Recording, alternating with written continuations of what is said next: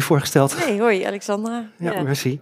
Ehm, de podcast eh, ehm, heeft een eh, hele simpele opzet. We vragen mensen gewoon het hemd van het lijf over wat ze ervan vinden en maar vooral ook hoe ze het zelf doen.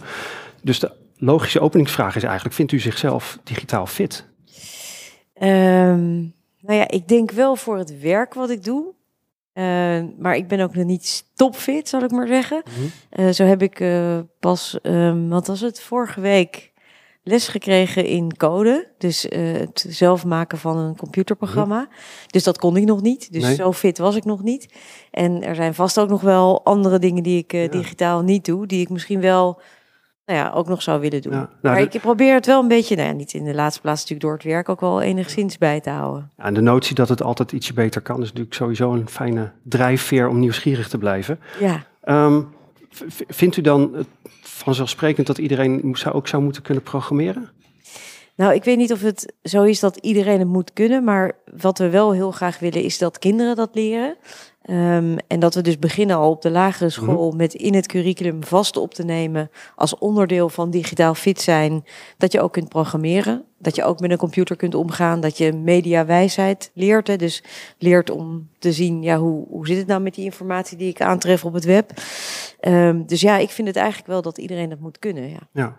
Nou zijn de recente ontwikkelingen rondom, rondom artificiële intelligentie, waaronder ChatGPT en GPT-4 zo, dat ik dus heel veel verhalen voorbij zie komen. Je hoeft alleen nog maar een schetsje te maken en dat aan ChatGPT of GPT-4 te geven, dan krijg je een hele werkende website terug. Ja, is dat dan dat superhandig, denk je, maar dan, daar leer ik niet van programmeren. Heeft u daar al een mening over? Ja, maar je moet, nog niet? Nou ja, in, in zoverre, uh, het is natuurlijk super nieuw. Hè? En ik ben ook lekker aan het experimenteren daarbij. Ik heb Bing gedownload op mijn uh, iPad, dus dan ga ik allemaal vragen stellen en zo.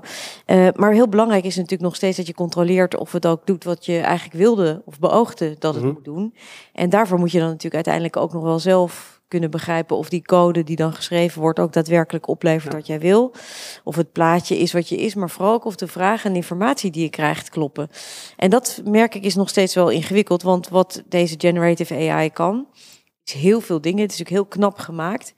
Maar het kan nog niet altijd de antwoorden geven op dingen die, uh, die je graag zou willen. Bijvoorbeeld, ik heb een keer een kamervraag erin gestopt. Hè. Mhm. Een kamervraag die werd gesteld of de autoriteit persoonsgegevens meer geld zou moeten krijgen.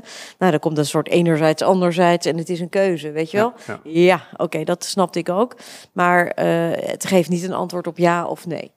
Um, en dat is denk ik ook nog wel. Het is natuurlijk nog steeds. Het gaat heel erg over voorspellen wat het antwoord zou moeten zijn, meer dan iets anders. Maar goed, het kan ook wel weer mooie teksten maken. Het kan je Sinterklaasgedichten probleem oplossen.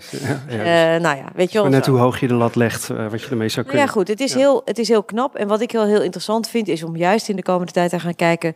Waar zou je het voor kunnen inzetten? Waar zou het ook echt ons kunnen helpen?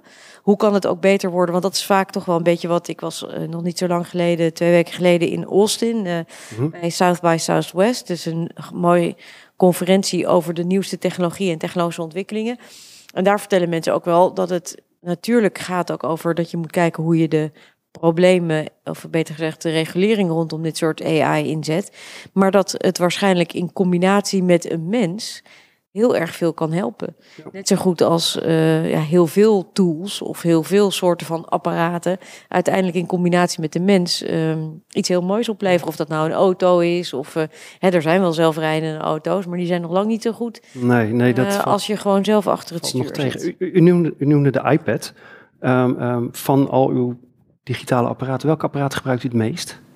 ik denk mijn telefoon en mijn iPad, een beetje de computer iPad en telefoon het meest. Ja. Welke, welke apps gebruikt u dan het meest? Oeh, uh, ik denk dat ik op mijn telefoon de app WhatsApp het meest gebruik. Dus echt om berichtjes te mhm. sturen.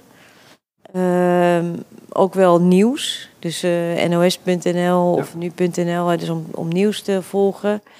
Twitter om een beetje nog steeds? te volgen. Ja, nog steeds. Ik moet wel sinds vandaag weer heb ik weer een extra reden om er weer eens over na te gaan mhm. denken. Vanaf 15 april of zo krijgen we nog weer een, een soort nieuwe restricties op het, uh, op het, uh, op het, uh, op het platform. Um, ja, dus dat zijn wel apps die ik veel gebruik. Ja. En, en, is er het afgelopen jaar ook een app bijgekomen waarvan u nu denkt, oh die wil ik echt nooit meer kwijt? Nou, nooit meer kwijt. Nou ja, misschien die Bing-app bijvoorbeeld, die ik nu een paar keer al aan het gebruiken ben. Die nooit meer kwijt. Is Was hij op tijd voor groot, Sinterklaas in uw geval? Nee, want eh, toen was hij er nog niet. Nee, Nee, maar nee, dus zo misschien snel voor komend gaat het. Sinterklaas wel, ja, komend Sinterklaas word ik echt mooi, ja. kampioen. Ja. Ehm, we zijn hier vanwege de maand van digitale fitheid. Eh, eh, wij, iedereen die daarbij betrokken is, maar in ieder geval ook de Rijksacademie Radio, ehm, willen graag iedereen stimuleren om te werken aan zijn of haar digitale skills en vaardigheden. Eh, zodat iedereen mee kan komen in de digitale samenleving. U bent daar soort van de secre- staatssecretaris van, als ik het even heel algemeen vraag. Ehm, waarom is het voor u een belangrijk thema? Nou ja, omdat het natuurlijk ons leven steeds meer beheerst in allerlei aspecten. En dat zie je een beetje nu ook weer met die generative AI. Dus dat ChatGPT en, eh, en Bing en BART en al die andere. Is natuurlijk dat het ons steeds meer eh, kan helpen dingen voor elkaar te krijgen. Makkelijker te maken, efficiënter enzovoort enzovoort. Maar het gewoon ook heel veel invloed heeft op ons dagelijks leven. Het aantal uren dat we spenderen op social media. eh, van kleine kinderen tot en met, ik geloof zelfs nu baby's al, tot en met eh, Mhm. volwassenen. Ehm, ehm, het beheerst gewoon zoveel aspecten van ons leven en werken dat het echt heel belangrijk is om bij te blijven, om te weten wat er aan de hand is, wat er gebeurt. Nogmaals, hoe het ons kan helpen, maar ook wat natuurlijk de drawbacks zijn, wat de risico's zijn. Ja. Verslaving aan social media of van het, of het probleem van de desinformatie of het feit dat je eh, met jouw gegevens niet op een goede manier wordt omgegaan. Ja, dat zijn natuurlijk allemaal wel dingen die echt belangrijk zijn om. eh, eh, om, om heel scherp op te blijven en elkaar ook op te blijven bevragen. Ehm, dat geldt denk ik dan ook voor de mensen die hier werken. Zeker. Ehm, eh, heeft u ook de ambitie om, om hen heel gericht daarin te laten leren? nou ja, radio is er natuurlijk voor om dat te doen. Hè? Ik Ja, bedoel, sorry, dit eh, klinkt natuurlijk nou heel erg alsof ik heel graag eh, ja, hoor goed, dat, dat u eh, bij ons ja. leuk vindt, maar in zijn algemeenheid. Ja. Nee, maar dat is natuurlijk zo. Want ehm, kijk, het, het is ook wel heel grappig. De ontwikkelingen gaan zo snel dat je niet kan zeggen. Nou, je kunt wel zeggen, ik heb ooit een keertje leren schrijven. En dat blijf ik mijn hele leven doen. Hoewel je handschrift eh, over het algemeen niet beter wordt hoe ouder je Ja. wordt. Maar de kern is natuurlijk toch dat dit gewoon zo snel zich ontwikkelt. Dat je afhankelijk van in welk beleidsterrein je bent. En ofwel er meer van moet begrijpen om überhaupt nog goed en fatsoenlijk beleid te maken. Of dat goed en fatsoenlijk uit te voeren. Maar net zo goed natuurlijk om zelf ook mee te kunnen gaan in... Nou ja, weet je wel, toen ik begon eh, werkten we nog met echt van die hele rudimentaire tekstverwerkers. Ja, daar zou je nu gewoon niet meer mee je werk kunnen doen. Nee. Maar zou, zou er een soort van verplichte toets moeten zijn bij bijvoorbeeld nieuw personeel? Of ze alle handige koppelingen in, in Word en Excel wel kennen? Nou ja, ik, ik, zou het vooral, ik zou het vooral slim vinden om mensen gewoon ieder regelmatig gewoon punten te laten krijgen. Er zijn natuurlijk heel veel beroepen waar je dat kent. Eh, wel, mijn vader is arts, mijn broertje is psycholoog. Die moeten altijd punten halen. Mijn man zit in, eh, in het notariaat. Moet altijd de cursussen doen en ontwikkelen en opleidingen om ook überhaupt dat vak te mogen blijven doen. En eigenlijk moeten we dat soort fitheid ook blijven doen. En of je dat dan, hoe je dat dan officieel gaat verplichten of niet, maar laten we eens gewoon beginnen om het goed en aantrekkelijk te maken, zodat mensen zeggen, oh ja, gaaf, ik ga weer eens even leren wat nu de latest en de greatest is. Of dat nou gaat over heel simpel, hoe kan ik slimmer en mooier een tekst maken, met of zonder ChatGPT. Ehm, maar ook hoe kan ik, eh, ja, hoe Ja. kan ik, hoe kan ik me zorgen dat ik, dat ik het werk wat ik doe beter uitvoer? Hoe kan ik beter begrijpen wat er in de samenleving is? Want ja, je kan wel zelf je opsluiten in je, weet ik veel wat, met, met pen en papier. Maar als de hele wereld op social media rondhangt, dan heb je dat natuurlijk ook vaak nodig om inzichten te krijgen over hoe je beter je werk kan doen.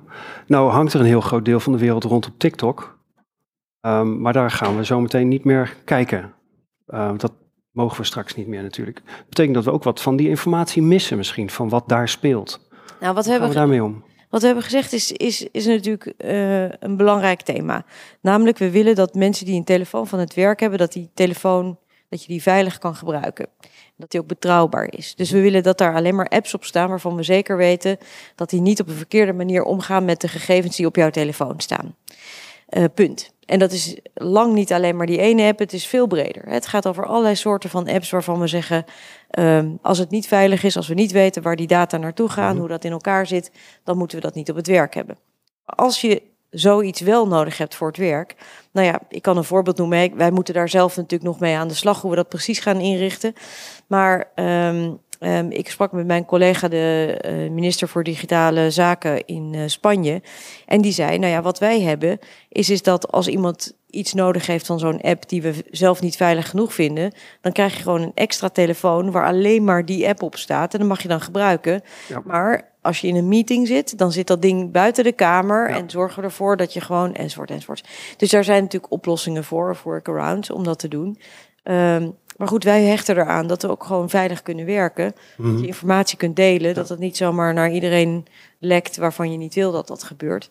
Eh, maar goed, je kunt daar oplossingen Zo, voor zo tref je ook een balans tussen veiligheid aan de ene kant en verbondenheid en betrokkenheid Ja. bij de mensen voor wie je aan het werk bent aan Ja. de andere kant.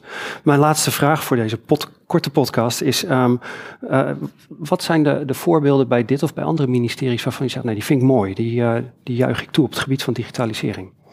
Nou, wat ik eigenlijk zelf heel erg toejuich, en dat is, dat is een, een stap waar we nog eh, veel werk op te doen hebben, is dat we gezegd hebben waar we tegenaan lopen, en daar zijn we ook voor verantwoordelijk als ministerie, is dat we op een goede manier natuurlijk blijven vastleggen wat wij als overheid doen, om dan ook aan niet alleen maar het parlement, maar ook aan de hele samenleving te kunnen laten zien wat we doen.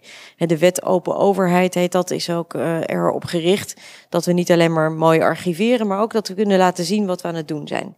En dat vind ik een super mooie ontwikkeling. Maar dat stelt ons ook voor een heleboel uitdagingen. Want ineens moeten al die verschillende soorten van ja, verslagleggingen of vastleggingen die we hebben.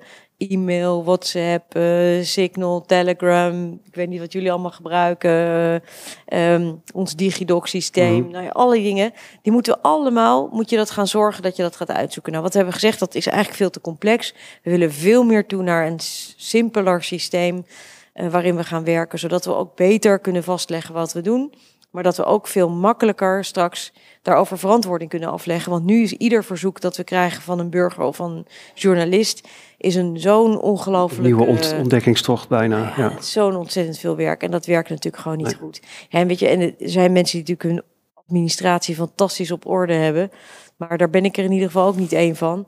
En ik denk de meeste ook niet. En ja, dan is het dus elke keer ook weer een speld in een hooiberg om, berg om later terug te zoeken wat je allemaal gedaan hebt of niet. Maar daar, op dat vlak zijn dat de ontwikkelingen heel goed. stap zetten, dat vind ik eh, wel heel cool. Ja, daar heb ik wel heel veel zin in. Dat klinkt heel triviaal, maar het is ontzettend belangrijk. Want het bepaalt uiteindelijk ook van hoe goed wij kunnen zijn in het transparant zijn over ons werk. Hartstikke fijn.